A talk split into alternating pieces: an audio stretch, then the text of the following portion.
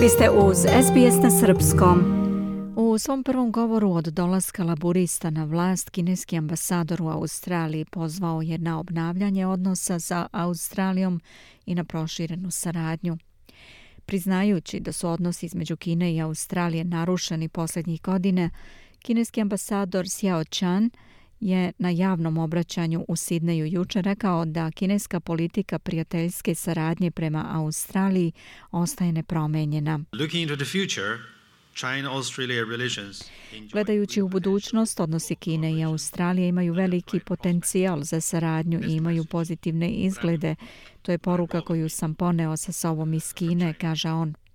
Ambasador je također insistirao da nepopularna lista pritužbi od 14 tačaka koju su novinarima predali zvaničnici u kineskoj ambasadi 2020.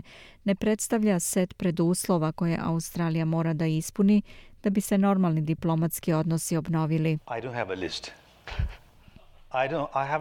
Nemam tu listu, nikad nisam video listu od 14 uh, tačaka. To se desilo pre nego što sam ja došao ovde kao ambasador. Određene zabrinutosti koje smo imali su predstavljene na neadekvatan način kao takozvani preduslovi, kao zahtevi, a to nije istina, kaže on.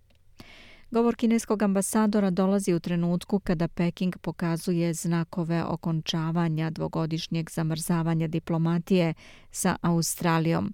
A novi ministar odbrane Richard Miles se sastao sa svojim kineskim kolegom na marginama bezbednostnog samita u Singapuru pre dve nedelje. Istovremeno je drugi u rukovodstvenom lancu Pekinga, premijer Li Keqiang, poslao poruku sa čestitkama novom premijeru.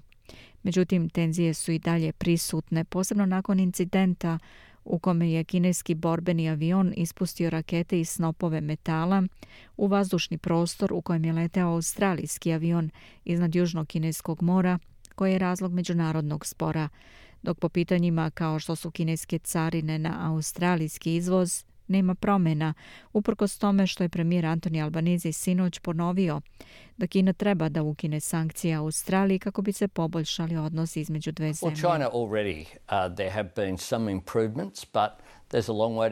Uh, Kina je već pokazala znakove da je spremna na poboljšanje odnosa, ali dug je put do toga. Uh, Biće to problematična veza. To sam rekao i pre izbora, bez obzira na ishod.